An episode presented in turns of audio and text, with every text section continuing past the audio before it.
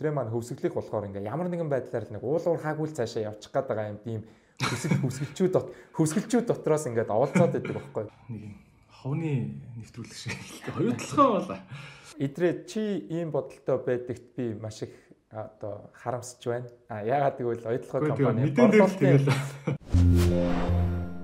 Хэрэгтэй буу халын ураатай идрээс шорткаст үргэлжилж байна. Өнөөдрийн зочноор оюу толгой компани ерөнхий менежер Эрдэнийн лавг оролцож байна. Тэгээд лавгаг та бүхэн өөр ажлаас нь бас мэдэх бах. Twitter дээр дагаарай. За бид хоёр өнөөдөр зөвхөн уул уурхайн сэдвээр ярилцах болно. А өнөөдрийн маань дугаарыг та бүхэнтэй хамтран үргэж байгаа. Үндэсний дархлаа Зөв Монгол брэнд хамтран ажиллаж байна. Тэгээд мөн дэлхийд даяар та бүхэн 70 хэдэн оронд онгоцноос буугаал бол интернеттэйгээ буудаг болсон байгаа. eSIM карта та бүхэн Lime application дээрээс аваарай.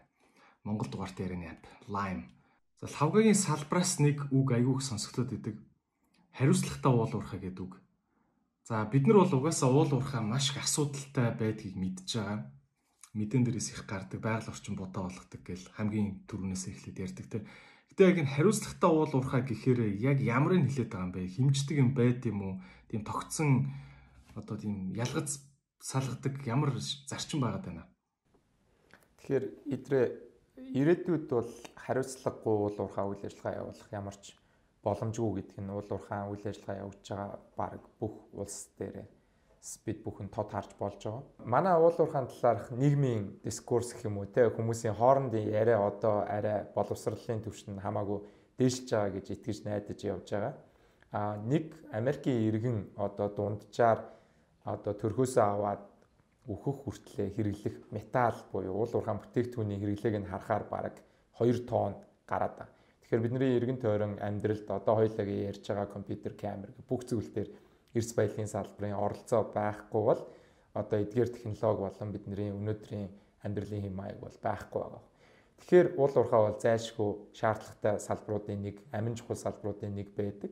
А нөгөө талаараа болохоор энийг яаж хариуцлагатай хийх вэ гэдэг дээр бол олон улсын уул уурхайн компаниуд ер нь хоорондоо ингээд яг зөвшөлдсөд бусад одоо иргэний нийгмийн хяналтын байгууллагуудад тохирсон юм 8 зарчим байт юм л. Энэ 8 зарчмыг би базаад ингээд харахад бол хууль дүрмд нийцтэй, ёс зүйтэй. За мөн компани засаглал ил тод байдал өндөр. За ирээдүйд болон ажиллаж байгаа салбар за өөрийнхөө бүх мөчлөгдөр ажиллаж байгаа оролцогч талуудын өгөөж нь тодорхой. За мөн дэвшилтэт технологи нэвтрүүлдэг. За хамгийн чухал нь буюу байгаль орчны нөлөөлөл хамгийн багтаа үйл ажиллагаагаа явуулахыг бүгд зорж ажиллаж байгаа. Дэлхийн уул уурхайн салбарынхаа. Тэгвэл яг одоо уул уурхай хариуцлагатай болохгүй байх болох бүтэхгүй байх гэж ярих юм бол яг ингээд 8 сэдврүү задлж хагаад алин дээр нь болохгүй байгаа юм бэ гэдгийг бол ярих хэрэгтэй юм шүү дээ, тийм. Тэгэлгүй байх аа. Уул уурхайг ингээд нөхөн сэргэлт хийлээ хийх ёстой байдгаа. Тэгээд эннийхээ нөхөн сэргээлтийнхаа мөнгийг нь бид нар ингээд яаманд өгцөн байгаа. Эсвэл сундаач илүү өгцөн байгаа. Даанч тэр ингээд улсын тэрийг мөнгөний төлчөөд ах чинь нөхөн сэргээлт хийхгүй байна гэдэг ингээд компани нь хариуцах ёстой мó эцсийн эцэст бас ингээд энэ яам нь хариуцах ёстой мó хин хариуцах гэдэг нь мэддэхгүй ингээд нэг дундаа булзаар болсон юм их сонсогдоод идэг л та. Яг тэгээ хинээс нь иргэд хариуцлага нэх ёстой ингээд одоо ингээд голын ирэг бодоо олгцсон байвал. Би маш товчхон яг зарчмын хариулт өгөхөд идрээ. Уул уурхайн үйл ажиллагаа явуулж байгаа компани заавал нөхөн сэргээлт хийх ёстой. Нөхөн сэргээх төлөвлөгөө нь тодорхой байх ёстой Үүн дээр төрийн байгууллагууд болон иргэний нийгэм за орон нутгийн оролцогч талууд тухайн уул уурхаан үйл ажиллагаагаас одоо ямарваа нэгэн нөлөөлөл авж байгаа хүн болгоо энэ дээр хяналт тавьж ажиллах хэрэгтэй. Зарчим нь бол ийм тодорхой. За мэдээч хэрэг энэ зарчмыг зөрчиж байгаа уул уурхаан үйл ажиллагаа явуулсан хувь хүмүүс те одоо манад бол нинжа уурхаачд гэж нэрлэдэг ийм хүмүүс байдаг. Гэхдээ эдгээр үйл ажиллагааг бол бид бүхэн аль болохоор хянаж те хариуцлагатай болгох За мөн төрийн байгууллагууд бол энийг одоо таслан зогсоох тийм үүрэг хүлээж байгаа. За дараагийн асуулт маань юм байна л да. Манай Монгол улс угаасаа уул уурхайгүйгээр явахгүй тодорхой байгаа шүү дээ. Ойрын нэг 40 50 жилдээ л ав миний бодож байгаагаар тий төсвийн орлогын бараг 90% нь уул уурхайгаас орж ирж байгаа. А гів гинтхэн л манай одоо IT-ийн салбар манлайлал байна гэж би би өвдө бодохгүй байгаа. Гэхдээ ирээдүйтэй маш ирээдүйтэй. За тэгвэл бид нар бас орлого яриад ирэхээр өрсөлдөгч ярих хэрэгтэй гэж боддог. А одоо би ингээд энэ Австралид хуулиар сурж байгаа те ингээд харж байхад Австрал бас яг уул уурхайн орн байгаа байхгүй маш их одоо төсвөн уул уурхаагаас хамааралтай. Тэгээ ингээд харахаар баг Австрал манай өрсөлдөгч юм шиг надад бол харагдаад та. Хоёлаа ягаад гэвэл хятад руу бараага зөөдөг. Хятадд юмаа зардаг те. А ер нь яг ингээд Монгол хүнийхээ өнцгөөс харахад лавгагийн хувьд харахад бол ингээд манай өрсөлдөгч нар хин хин манай яг өрсөлдөгч том уурхаанууд хаана вэ? Одоо Apple-ийн өрсөлдөгч Samsung гэдэг бол яг оюу толгойг өрсөлдөгч дэлхийн хаана вэ? Тэгэхээр бид бүхэн одоо бол хятад буюу дэлхийн хамгийн том уул уурхаан бүтээгдэхүүн хэрэгэлдэг, тий эрчим хүч хэрэгэлдэг энэ улсыг харахтаа бол нэг л зүйл ойлгоод авчих хэрэгтэй юм шиг байна. А хятад руу бол дэлхийн маш олон уул уурхаан тоглогч нар бүтээгдэхүүнээ нийлүүлж байгаа. Үүнтэй харьцуулахад бол Монголын нийлүүлж байгаа уул уурхаан бүтээгдэхүүн болох одоо зис төмрийн өдөр алт гэдээ ингээ харахад бол бид нар бол хятадын топ 20 уул уурхаан бүтээгдэхүүн нийлүүлэгчт нь ч орохгүй. Тэгэхээр хятадын хувьд бол бид нар бол өчүүхэн одоо уул уурхаан бүтээгдэхүүн нийлүүлэгч хөршин. А бидний хувьд бол хятад улс бол бидний хамгийн том зах зээл. Тэгэхээр бид бүхэн нэг Монгол улсыг бас хилдэж штэ тий бид нарыг ингээд нөө газар зүүн суглаанд ялагцсан гэдэг тий одоо далаад гарцгүй ч гэдэг юм уу.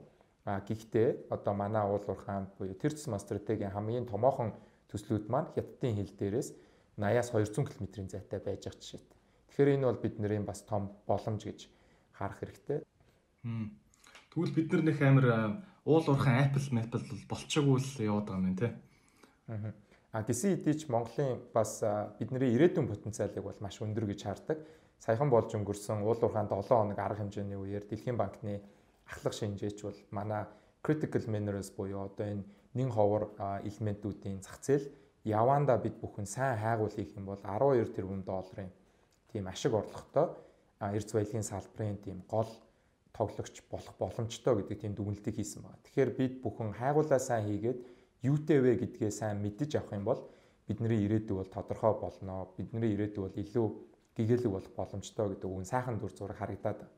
Тэгээд нөгөө идрэгийн асуултан дээр гарч ирж байсан идрээ маань хөвсгөлөх болохоор ингээ ямар нэгэн байдлаар нэг уулуур хаагүй л цаашаа явчих гээд байгаа юм тийм хөсгөл хөсгөлчүүд хөсгөлчүүд дотроос ингээд оволцоод байдаг байхгүй. Тэр нь бас яг мэдээж аа таа бүхний бас нутгийн өгөгдөл байж магадгүй. Аа гэхдээ уул уурхаагүй явдаг явж байгаа улс гэж баг байхгүй хаа. Ягаад тэгэхээр уулуурхаан бүтээгдэхүүн гаргаж ирэхгүйгээр бид бүхний ирээдүй буюу тэр цэма дэлхийд даяараа нөө зорилт тавьчаад байгаа. Бид бүхэн одоо 20 50-ын зорилт гэдэг одоо нүүб дэлхийд даяараа зорилт тавиад байгаа энэ нүрс хүчлийн хийг бууруулах энэ том зорилгонд бид бүхэн хүрэх боломжгүй. Энэ боломжинд хүрэхэд бол зис, молибден гэдэг энэ бүх металлууд тэр цэма critical минералууд маш том үүрэг ролтой. Бидний хамгийн том өрсөлдөгч гэдэг дээр бас асуултан дээр нэмээд хариулахад хятад руу нүүрс олборлож байгаа улсуудыг харахад бидний хамгийн том өрсөлдөгч мэдээж хэрэг Австрал, а мөн Индонез, Орос улс минералаараа бид нартэй одоо манай Монголын томоохон уурхаануудтай ижил төстэй уул уурхаан бүтээгдэхүүн гаргадаг. За ижил мөчлөг дээр явж байгаа тэ за мөн одоо нэг зах зээл рүү нийлүүлдэг гэдгээр бол Орос, Индонез, Австрал улсууд бол манай хамгийн том өрсөлдөгчд мэдээ зис дээр бол чийл улс бол манай бас том өрсөлдөгч. Lime Монгол дугаартаа Yarin application дэлхийн монголчуудаа зориулв. Одоо энэ critical mineral гэж яриад байна л да. Одоо юу одоо молибден гэдэг үг маш их сонсогддог. Жохон байхад л тэгэл зис молибден гээл телевизээр гарч идэг байсан. Яг молибден гэж одоо ямар ч бодис үүдийн те. Одоо сүүлийн үед энэ цахилгаан машин их үйлдвэрлэдэг үйлдвэрлэдэг болсноос болоод а зэсийн хэрэгцээ их болж байгаа шиг байна. Энэ литиум, лити гэж яриад байгаа энэ металл их модонд орж байгаа шиг байна. Монголд ер нь ямар ийм юу минералууд байд юм бэ? Одоо ийм ховор металл гэж ярьдаг лөө те. Молибден нь бас одоо юунд хэрэглэгддэг юм бэ? Өөр бидний мэдэхгүй юм их гараад байгаа металлууд юу юу байна вэ? Аа. Молибден бол миний уншсанаар бол металлургийн салбарт бол маш хэрэгтэй. Тэгээ төмрийн өдөр болон бусад технологи металлыг ялгаж авахд гарч ирдэг зэсийн ордтой цуг байдаг бүтээгдэхүүн гэж ойлгоод байгаа. Тэгэхээр манай Эрдэнэт үйлдвэрээс бол молибдын мэдээж хэрэг олборлогдож гардаг. Тэгэхээр энэ бол маш чухал элементүүдийн нэг юм байна гэж би ойлгож авсан. За газрын ховор элемент болон одоо rare earths гэж ярьдаг те одоо сүүлийн үед болохоор critical minerals гэж нэрлэдэг байгааг болохоор улс орон болгон өөрсдийнхоороо нэрлэдэг шиг байна. Тэгээ надад Америкуудынх илүү амьдралтай санагдсан. Ягаад тэгэхээр Америкууд бол critical mineral хариуцсан сайттай, яамтай. А тэгэнгүүтээ юуг critical mineralд оруулаад байна гэхээр бүр зарим тохиолдолд бол limestone буюу одоо ингээд өөртөө Америкийн газар нутаг дээрээс гаргаж авч чадахгүй одоо ингээд дайм байлдаан одоо том цар тахал гараад дэлхийн нийтээр ингээд логистикийн систем унсан үед өөрсдийгөө хангах шаардлагатай минералуудыг critical minerals гэж нэрлэж байгаа. Тийм ээ. Ер нь бол овоож оцоосон ихээр нь олдгүй. Гэхдээ ер нь байхгүй болчвол амьдрал айгүй хэцүү болохоор хэмжээний л чухал юмнуудыг л хэлээд байгаа юм тий. Тийм өөрсдийнхөө аж үйлдвэрийн процессд болон эдийн засгийга тэтгэх тэр минералуудыг л бүлэглээл хаана байна, ховор байна гэдэг дээр бол бүх улсууд critical mineral дээр бол дэлхийд уралдаан явж байна. За энэ уралдаанд мэдээч хэрэг олон жилийн өмнөөс бэлдэж эхэлснээрээ хятад улс бол нэгдүгüрт явж байгаа. Дэлхийн газрын ховор элемент болон critical mineral-аар бол хятад улс болцох зээлийн бол маш том хувийг эзэлдэг. За мөн эдгээр минералыг олсноороо боловсруулах үйлдвэр нь бол маш чухал юм байлээ. Ягаад тэгэхээр химийн өндөр процесст хөгжиж энэ бол маш их ус хэргэлдэг, маш их байгаль орчинд нэлээд нөлөөлөл өндөртэй процесс юм байлээ. Тэгэхээр хятад улс энэнд олон 10 жилийн өмнөөс бэлдсэн. болохоор одоо дэлхийн номер 1 тоглогч байгаа. Ойлгомжтой. А одоо лавгаагаас бол тэ оюу толгойд ажиллаж байгаа гэхээр ер нь бол мэдээж хариуцлагатай айгуу тийм том компани албан тушаалтан хамаагүй ярьж болохгүй тэрийг бол ойлгож байгаа. Тэгвэл ер нь бол лагвагаас нэг найзууд чи ер нь ямар асуулт илүү их асуудаг одоо нэг ПМ уугаа сууж байхаар асуудаг шүү дээ. Аа. Ямар асуултыг монгол залуучууд яг оюутлогод ажилтдаг найзаасаа хамгийн их асуугаад байна. Тэгэхээр яг олон нийт бол мэдээч хэрэг оюутлогоо төсөлтөй холбогдлолтойгоор бол хамгийн сонирхолтой ганцхан надаас гэлтгүү олон нийтдээ бид бүхэн мэдээллийн аян хийгээд манай мэдээллийн автобус маань ингээд дүүргүүдээр 21 аймгаар аялаад явж байхад хамгийн их асуудаг зүйл нь бол мэдээч хэрэг ойдлогоод ойдлогоо цэцэлт хэрхэн ажилд орох уу?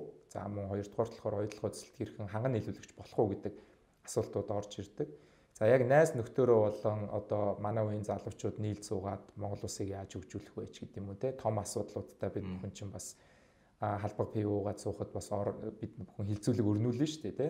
Тэгэхээр тэр үед бол миний хамгийн одоо бодож ярих дуртай сэдв бол бид бүхэн одоо энэ уул уурхаа дээр түшгэлсэн гарааны өгдлөөрөө яаж аль болох олон монгол хүнийг боловсралтай дэлхийн хэмжээний мэрэгжилтэн болгох вэ? За түүгээрээ бид бүхэн яаж одоо бусад үсрэнгүү хөгжсөн улсуудын адил бүгдээрээ дэлхийд өрсөлдөх энэ мэдлэгийн эдийн засаг руу хэрхэн шилжих вэ гэдэг дээр л энэ боломжоо яаж алдахгүй байх вэ гэдэг дээр л ер нь бидний яриа өрнөдөгдөө ер нь хоёлоо суугаад ярьсан ч гэсэн ер нь тийм л зүйл ярьдаг шүү дээ тий. Тэр дээр тал руугаа тий. Тэгээ ер нь гаргалгаан чамд ямар хөө харагдаж байна одоо цаг хугацааны хүмүүст бас ихтгэл найдвар гэдэг зүйл бас одоо ингээл сенсацаас сенсацийн хооронд маш их багасаад байна шүү дээ. Ер нь Монгол маань ингээл айгүй ихтгэл найдвар унжин те улстай итгэх ихтгэл а оюутлогоо дээр түшглээд тэгээ бид нар цаашаа ямар алхам хийж болохоор харагдаж байгаа юм. Тэгэхээр оюутлогоо төсөл дээр одоогийн байдлаар ажиллах хүч бол 20 мянга гарцсан.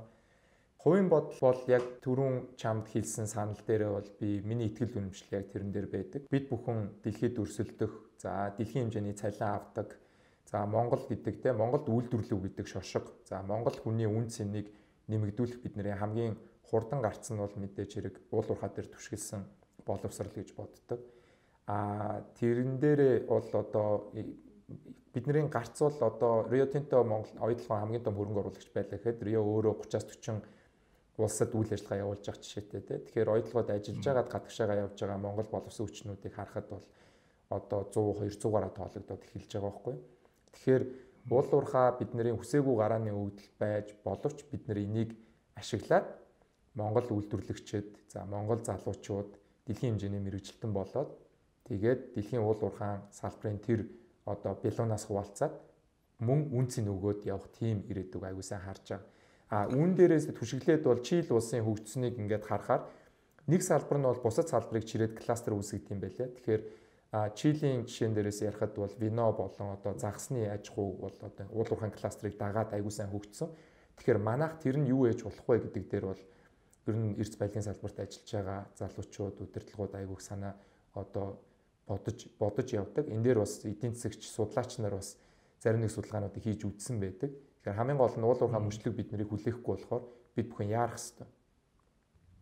Ер нь бол ингэж ойлголоо зөв. А за оюу толгойд ажиллаж агаад оюу толгойг чинь бас том хувьцаа эзэмшигч чинь Rio Tinto. Rio Tinto нь болохоор бүр дэлхийд даяар бөөн уурхатай компани байгаад идэг. Мангар том компани. Тэгэхээр оюу толгойд ажиллаж исэн хүн а энэ сүлжээгээр дамжаад одоо Чилийн том уурхайн том албан тушаал дээр очиж нэг болно. А эсвэл оюу толгойд ханган нийлүүлж исэн компани энэ системээр дамжаад Чилийн уурхайн ханган нийлүүлэгч бас болж цаашаа олон улс руу гарах замтай гэж харж ин зөв.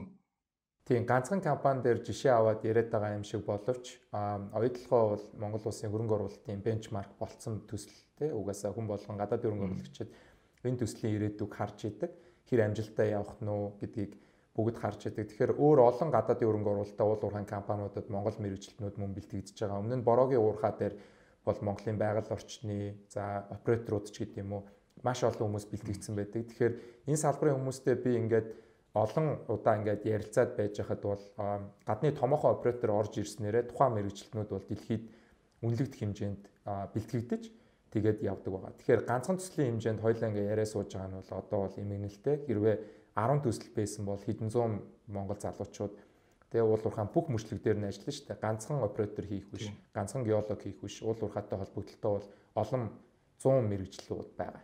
Мэдээлэл технологи нэг нь жишээлбэл. Тэгэхээр ганц оюу толгоогоор зогсохгүй дахиад 10 оюу толгоо ажилуулад эхэлж явах хэрэгтэй л гэж хэлж байна зөв. Зөв. Тэрийг 10 оюу толгоог олохын тулд бид нэр хайгуулын лицензүүдээ хариуцлагатай операторуудад болон компани хувь хүмүүст бол маш яаралтайгаар олгож тэрэн дээрээс бид бүхэн дараагийн орд газруудаа олно Харцаа угаад эхлэх үү? Үндэсний дархлаа. Зөв Монгол брэнд. Окей. За дараагийн чухал асуулт нь ер нь бол айл болгоны амжиргаатай бас холбоотой. Оюу толгойд яаж юм ханган нийлүүлэх вэ гэдэг асуулт байгаа шүү дээ.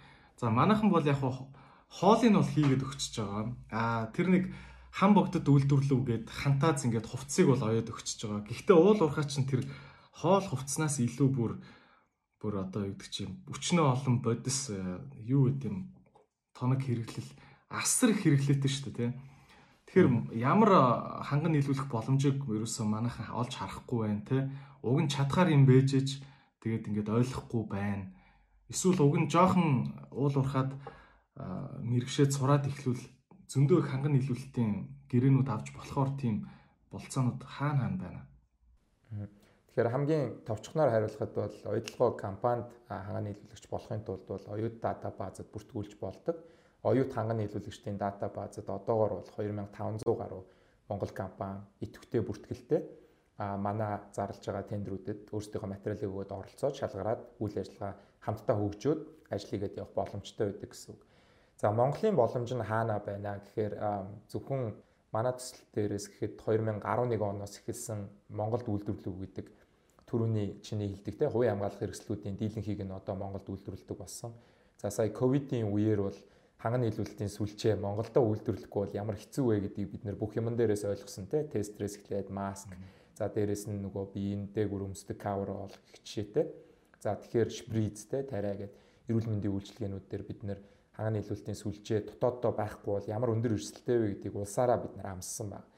За Монгол дээр ямар боломж байна гэдгийг бас энэ нэвтрүүлэгт орохосоо өмнө бас энэ сэдвээр бас ханган нийлүүлэлтийн мэрэгчлэнүүдтэйгээ санал солилцчихсэн. Тэгэхэд бол хамгийн ойрхон боломжтой зүйл нь бол мэдээж хэрэг арьс ширээр боловсруулсан бүтээгдэхүүнүүдтэй одоо бэлич гэдэг юм уу.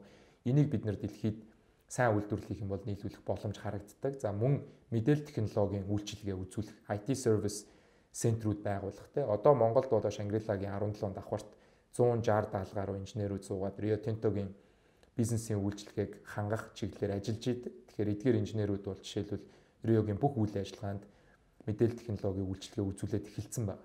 Тэгэхээр ийм байдлаар болоод монголчууд дэлхийн уул уурхайн хөрөнгөний хэсэг рүү одоо өөрсдийнхөө бараа үйлчлэгээр үнцийг бүтээж орох боломжтой гэж хардаг. Nice. За тэгэд э, тэр 2500 компаниуд ямар э, компаниуд байна судлаад тэгээд хажуугаар нь яаж өөрхөн компаниар орж болохоо бас харна үсттэй. Манай UB Comedy Club бас entertainment ханган нийлүүлэгч гээд байдаг. Очиж э, юун дээр те одоо ажилчин олон түмэндээ очиж урлагийн цэнхэр хадгаа барьдаг байгаа тийм. Тэгэд урлагийн тоглолт энэ төрөөр очихоор бас заавал аль биесны ханган нийлүүлэгч болох ёстой гэд яа тийм блэ. Нөгөө вебсайтаар нь заавал дамжт юм блэ. За юунууд оюу толгой гэдэг төсөл би бол бас оюу толгой шиг хэмжээний төсөл зүгээр нэг ганц нэг биш бүр нэлээ олон байх хэрэгтэй гэдэг дээр бол санал нийлдэг. Гэхдээ бас За яг хуу тэгээд ингээд ярихаар бас боо улс төр хэрүүлэлтэй холбоотой салбарч тань салбарч угаасаа. А гэхдээ яг ийм олон улсын компаниудтай хамтраад гоё хийгээсэ гэж боддог. А нэг иргэн хүний хувьас нэг сэжиг төрөөд идэг асуулт нэг ийм асуулт байна л да. А одоо за Rio Tinto компани оюу толгойг гийн хувийг эзэмшдэг. А Rio Tinto компани тэгсэн мөртлөө Монголд уурхайн компани байгаа мөртлөө уурхайн бүтээгдэхүүнээ дэлхийн зах зээл дээр зардаг тэр борлуулалтын компани Сингапурт байдаг гинэ. Тэгээд зарсан мөнгө нь Сингапур руу ордог. Монголын одоо санхүүгийн систем рүү доллар нь орж ирдгүү. За би бол тийм ойлголттой явдсан шүү. Sorry. Тэгэд энэ ямар учиртай юм бэ? Санаа зовх асуудал муу юм уу? Танаа тайлбар. Энэ ойдлогоо компани борлуулалтын орлого Монголын зах зээл рүү Монголын зах зээл рүү орж ирдэггүй гэдэг нь хоёр давхар гүтгэлэг гэж би одоо бодоод байгаа. Тэгээ магадгүй бид бүхэн бас ажиллаа сайн хийгээгүй, сайн тайлбарлаагүй гэж магадгүй. Тэгэхээр ойдлогоо компани борлуулалтын орлого маань бүгдээрээ Монгол улсад эргэж орж ирдэг. За урдын нөхцөл байдалд бол Монгол банкар тална, за арилжааны банкудаар тална ингээд доллар нь эргэж орж ирээд дуудагддаг байсан. Тэгэхээр борлуулалтын орлогоосоо давсан хөрөнгө оруулалт бүр Монголд орж ирдэг байна. Тэгэхээр сард ойролцоогоор 100 сая доллар орчим а орж ирдэг. Гүний уурхаан бүтээн байгуулалт болон борлуулалтын орлого нийлээд тэгэхээр энэ жилийн 4 сараас ахуулаад бол одоо дотоодын валютын а бас төгрөг сулраад те манай валютын нөөц багасаад ирж байгаа болохоор за өмнөх жилүүдийн жишгээр энэ жилийн 4 сараас эхлээд Монгол банкар дамжуулж бүх валют явж байгаа гэдгийг хариуцлагатай хэлмээр байна. Идрээ чи ийм бодолтой байдагт би маш их одоо харамсаж байна. А яагаад гэвэл ойдлогоо компани борлуулалтын борлуулалт ойдлогоо компани борлуулалтын орлого болон хөрөнгө оруулалтын борлуулалтын орлогоос давсан хөрөнгө оруулалт Монгол улс руу сар болгон орж ирж байдаг. Тэгэхээр борлуулалтын орлого тэр чигээрээ Монголынхоо эдийн засагт орж ирдэг гэсэн үг. Тэгэхээр төслийн 10 төгрөгийн 9 нь Монголд шингэж идэг гэж ойлгож болно. Энийг одоо манай компани хэлээгүй. Хүмүүс эдийн засгийн хүрээлэнгийн хийсэн судалгаагаар энэ нотлогдно. За мөн манай дотоодын валютын нөөц бас сүүлийн саруудад хэцүү байсан болохоор за урд өмнө нь бол одоо оруулж ирж байгаа нэг сард ойролцоогоор нэг 100 сая доллар гэж бодъё те. Тэрийг талыг нь Монгол банкар, талыг нь болохоор арилжааны банкуд дээр дууддаг байсан бол эдгээр одоо оруулж ирж байгаа бүх хөрөнгө оруулалт болон борлуулалтын орлого Монгол банкар 4 сараас хойш явж байгаа. Борлуулалтын офисын хувьд бол мэдээж хэрэг Rio Tinto бол ойдлогоо компани хамгийн том хувьцаа эзэмшигч. За мөн Риогийн бизнесийн загвар нь бол олон хабууд байдаг. Тэгэхээр Brisbane геологийн төв байх жишээтэй те дэлхийн даяарууга 30-аад уурхагийн геологийн судалгааг нь тэнд хийгээд ойдлогоон залуучуудтайгаа хамтраад ажиллаж байхад борлуулалтын буюу одоо дэлхийн санхүүгийн төвүүд дээр бол борлуулалтын офисууд нь компани давуу тал үүсгдэг гэж би ойлгодгоо. Тэгэхээр борлуулалтын офис ингээд байдаг нь бол үнэн. Ойдлогоогийн орлого бол тэр чигээрээ бол Монгол руу орж ирдэг. Орлогоосоо давсан хөрөнгө оруулалтыг бол одоо оруулж ирж байгаа. Сүүлийн 10-аад жилийн ингэж явж байна. Давсан хөрөнгө оруулалт оруулна гэхээр яа гэсэн үг вэ? Одоо ер нь ойдлогоо нэг сарда 100 сая орчим долларын борлуулалт хийд юм байна те. Тэгээ тэр нь бүгд Монгол банк руу орж ирдэг гэж хэлчихин зөв. Монголд орж ирнэ. Монголд орж ирээд цалин цалин хөлс болно. За мөн дотоодын худалдаа авалтууд руу буюу Монгол компаниуд руу төгрөгөөр шилжинэ. За борлуулалтаас давсан яга хөрөнгө оруулалт оруулж ирээд байгаа юм бэ гэж жоохон ойлгомжгүй санагдаад байгаа шүү дээ. Ягаад тэгэхээр оюутлогын гүний уурхаа маань одоо хүртэл бүтээн байгуулалтын шатандаа явж байгаа болохоор барилга барьж байгаа хүн чинь хөрөнгө оруулалтаа улс руу оруулж ирж а тэргээр бол бараа бүтээгдэхүүн үйлчилгээгээ авч гүний уурхаан үйл ажиллагаандаа зарцуулдаг гэсэн. Тэгэхээр оюутлогоо борлуулалтын орлогоосоо давсан хөрөнгө оруулалтыг дотоодын зах зээлд оруулж ирж гин гэсэн үг. Тэгэхээр төгрөг суларж байгаа буюу доллар ховордож байгаа энэ үед оюутлогоо төслөөс яг надад ямар өгөөж хүртэж байгаа юм бэ гэдэг асуултанд хамгийн энгийнээр хариулахад төгрөгийн хэмжээг төгрөгийн одоо тий хэлбэлцлийг барихад оюутлогоо төслийн оруулж ирж байгаа доллар бол айл болгоны худалдаа авалтан дээр нөлөөлдөг гэсэн. Тэгэхээр хамгийн онцлмоор байгаа асуудал бол усны асуудал байдаг. Тэгэхээр оюутлогоо Төсөл бол усны хэрэглээгээрээ бол Монголдоо бол хамгийн түүчээ усаа дахин хэрэгэлдэг. За ижил төстэй зэсийн уурхаануудтай харьцуулахад бол бид нар бол маш одоо өндөр үзүүлэлттэй усаа ашигладаг байгаа. А мэдээч хэрэг манай говьд маань усын ус бол мэдээч хэрэг чанам нь эрдэнэ. Тийм болохоор усны хэрэглэн дээр бол иргэд маань одоо хотын айлын хэрэглээний ус ч гэдэг юм уу үйлдвэрлэлийн усны хэмжээн дээр бол айгүй их төөрөгдөл гарч санаа зовдөг юм хүмүүс айгүй их санал бодлоо хилж идэг. Тэгэхээр газрын гүний уус буюу өндөр давслаг шорог чанартай мал хүн малчид хэрэглэх боломжгүй усыг хайгуул хийсний үндсэн дээр тогтоогоод тухайн усаа бол үйлдвэрлэлтэд дахин ашиглаж хэрэгэлдэг байгаа шүү гэдгийг одоо подкаст үзэгч сонсогчдод бол дахин хэлмээр байна. Окей. За юу одоо уул уурхай бол мэдээж Монголд яг мэрэгжил бэлтгэх талаар нэг уул уурхай инженер, геологч энтер гээд мэрэгчлүүдийг нэг бэлтгээд идэг.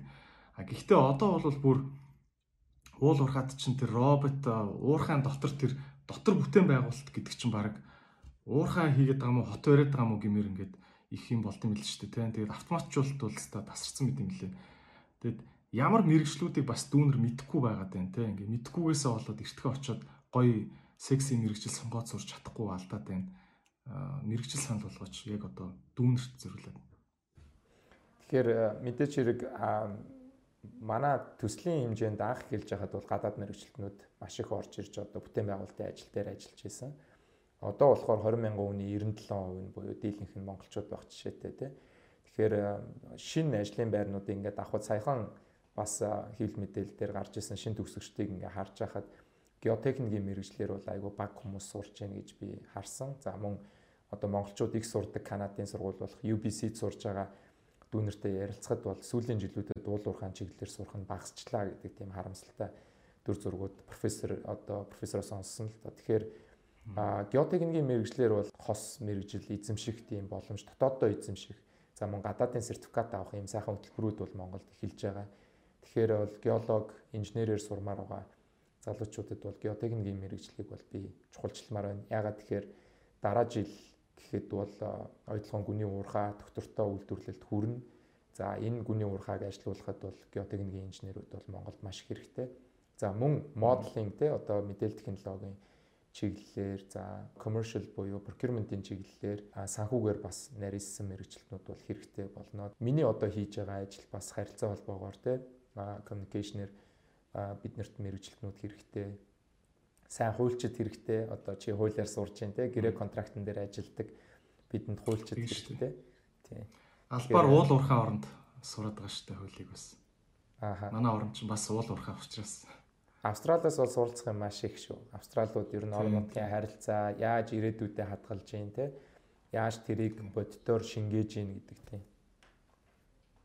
Ер нь одоо ингээд цаг хугацаа их хурдан өнгөрт юм байна. Тэгээд намайг одоо анх бакалаврын зэрэгээ төгсөөл ирж байхад оюу толгой ингээд дөнгөж бужигнаал Монгол бол дараагийн Катар болно болно гэж амар тухайн үед чинь тухайн үеийн ерөнхийлөгч нь гарч ирэл Монгол улсын жилийн эдийн засгийн өсөлт бол 30% даун маавна гэл амар батрамгуу үе байлаа шүү дээ. Тэгэл уул уурхаа гэдэг юм чинь тэгэл захаасаа эхлээл Монголыг хайж гарцгаагаал тэг явж явж нэг оюу толгойл үлдчих шиг байна.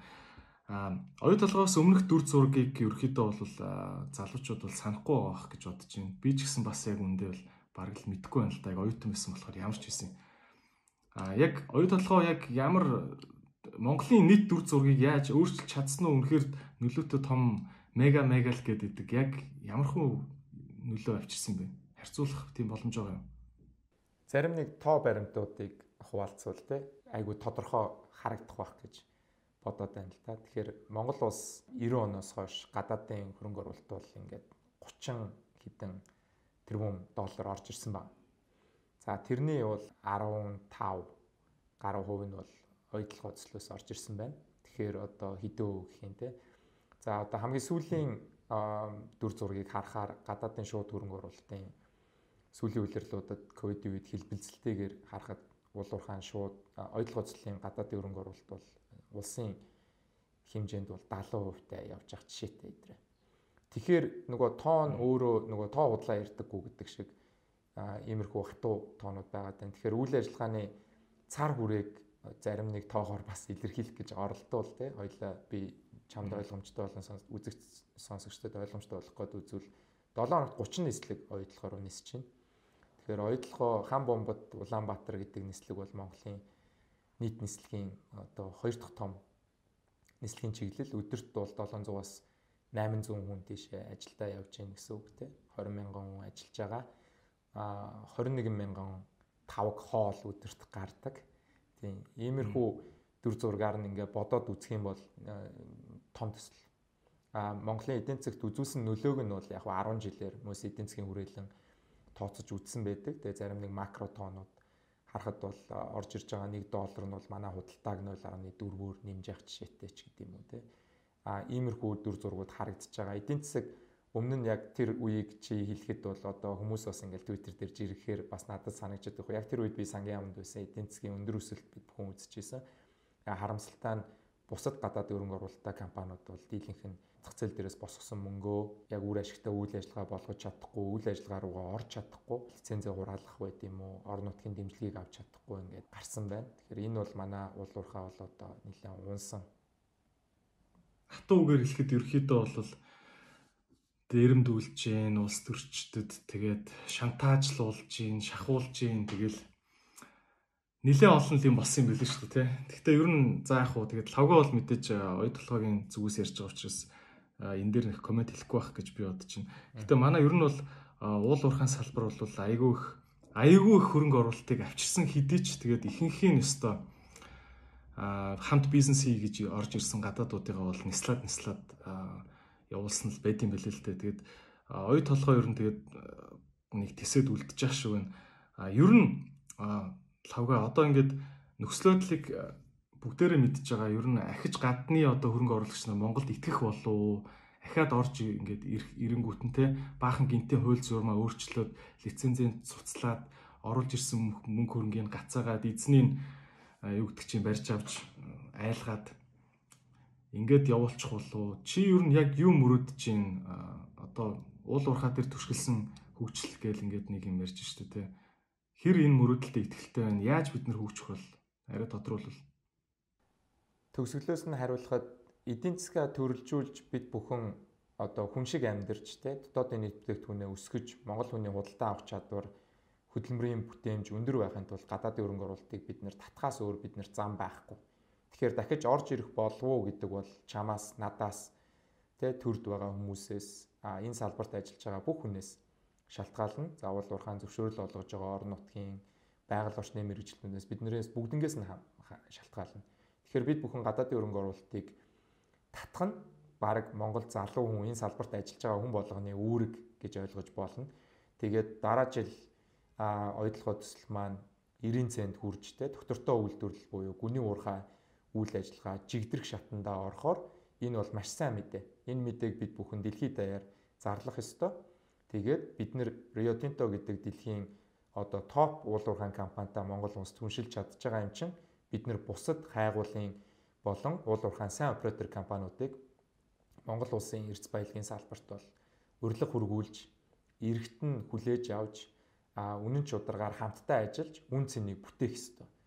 А Монгол мөрөөдлийн хувьд бол яг энтэйгээ адилхан уул уурхаа дээрээ түшиглэж бид нар Монгол хүнийхээ боловсрал руу хамгийн их одоо хөрөнгө оруулалтыг хийж дэлхийд үнэлэгдэх Монгол залуучууд дараа дараагийн боломжуудаа бие биендээ гаргаж өгөх ёстой. Гадаадд байгаа монголчууд жилд 500 сая доллар Монгол руу оруулж ирж байгаа. Маа дотоодын нийт бүтээгдэхүүний 3.6% гэж байгаа. Энэ бол энтгэхээс энтгэх дэлхий дээр хамгийн мөнгө буцааж их руугаа шилжүүлдэг мөртлөө эдийн засагт нь үзүүлэх хэмжээ нь бол энээс бага баг жишээтэй.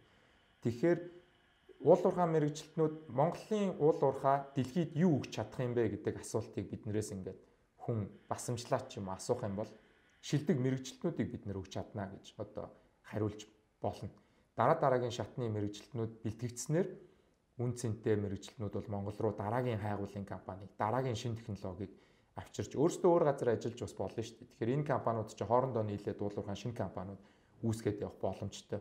Манайх дээр жишээлбэл 600 гаруй дотоодын ханган нийлүүлж компани ажиллаж байна. Тэгэхээр 600 Монгол компани манай төсөл дээр ажиллаж байна гэсэн үг. Тэгэнгүүт зарим нь болохоор одоо дэлхийн бусад орнуудад өрмийн компани ажиллуулж байна. Хайгуулын компани ажиллуулж байна гэдэг. Энэ төсөл дээрээ сурсан юм ашиглаад бизнесийн загвар болгоод тэр сурсан мэдснээ цааш нь үнцэн бүтээгээд явж байгаа компаниуд энэ компаниудын тоог л нэмэх хэрэгтэй гэж боддог доо. See. Тэг ер нь бол найдвар байгаа л гэж ойлгож байгаа юм шүү дээ. Дараагийн нэг 2011 он он шиг гадны хөрөнгө оруулалтын давалгаа дахиж ирэх боломжтой гэж харж байна те. Тийм. Ер нь найдвар хамгийн эцэст нь бүгдэг гэдэг үг байдаг шүү дээ. Бид бүхэн ирээдүг яаж харж байна гэхээр англиар hopefully skeptical гэдэг те. Бид нэр дандаа ирээдүг сайхан болно. Юм сайн тал руугаа явж гин гэж бодох хэвээр. Тэгтээ хэрсүү байх хэвээр. Бид нэр өмнөх алдаагаа давтаж болохгүй гэдэг ийм л байр суурьтай байдаг. Тэгэхгүй бол бүтэхгүй нэ болж бүтэхгүй нэ гэд а бодоод ах юм бол бид нэр бүтээмжч буурна, сэтгцэн эрүүл мэнд ч буурна тий. Тэгэхээр худалдаа авалт буурна, хүүхэд төрөлт буурна. Тэгэхээр бүгдээрээ итгэхгүй бол өөр бид нарт арга зам байхгүй шүү дээ. За сүүлийн асуулт маань юм байна. А гүний уурхаа гэж их удаан яригдж байгаа. Одоо 90 цент хүрнэ гэдэг үгээр ярьж байна тий. Гүний уурхаа яг юу болж байгаа вэ? Энэ талаар хуваалцаж болох мэдээллүүд юу байна? яг одоо хэдэн хувьтай гэж хүмүүс их асуудаг те. Тэрнээс илүү деталь өгөх боломжтой юм. Гүний урхаа сая уул урхаан сайд Ганбаатар маань урхаа дээр ажилдаа танилцаад мөн техникийн ажил хийсгүүд ажилдаад буцахтаа бол нэг 80 гаруй хувьтай гэж олон нийт рүү мэдээлэл хийсэн. Тэгэхээр энэ бол манад байгаа мэдээлэлтэй нийцж байгаа. А одоо дараа жилийн эхний үйлрэлтэ багтаж, за эхний жилийн хагастай багтаж энэ бол мэдээж газрын одоо шорооны онцлог те одоо уулын нураалтын процесс эхэлж байгаа болохоор блок caving гэдэг энэ олборлолтын систем нэг эхлэх юм бол зогсох боломжгүй. Хамгийн өндөр одоо гарааны хөрөнгө оруулалтаа мөртлөө за нэг яваад эхлэх юм бол одоо үйл ажиллагааны хямдхан олборлолтын аргууд гэж нэрлэдэг. Гэхдээ маш энгийнээр тайлбарлах юм бол гурван төвшин дээр 100 км түнэлийн үйл ажиллагаа явуулсан. За тэр түнэлүүдээс бол нураах энэ хонхнууд маань бид бүхэн drawbell гэж нэрлэдэг. Хонхон хэлбэртэй энэ цооногуудыг бол тислээд тислэгээний ажлуудаа хийгээд явж байгаа. За эдгээр тислэгээний ажлууд тодорхой хугацаанд буюу тодорхой тоонд хүрэхээр үйл ажиллагаа тогтворчлоо гэж гүний уурхаан процесс нэрлэдэг. Тэгэхээр дараа жил бол энэ хүү одоо оюутлогоон гүний уурхаа тогтвортой үйл ажиллагаанд хүрлээ гэдэг баярт мэдээг бол одоо Монголын засгийн газар, оюутлогоо компани, тэнтөө манай хөрөнгө оруулагч, Эрдэнэс оюутлогоо компаниуд маань бүгдээрээ энийг бол зах зээл дээр бол баяртайгаар хүргэнэ гэдэг тэрнлүүл одоо зорж ажиллаж байна да дараа жилийн төлөвлөгөө. А оюу толгой гээд ингэхээр за сар болгон 100 сая гаруй доллар ингээд Монгол улс руугаа оруулж ирж гин гэж энэ ашиг болгоод тэр нь Монгол банк руугаа явчт юм байна. Одоо жирийн одоо иргэнд бол мэдгүй шүү дээ. За хөсгөлийн мөрөнд суугаа залууд бол мэддэхгүй шүү дээ тэр нь.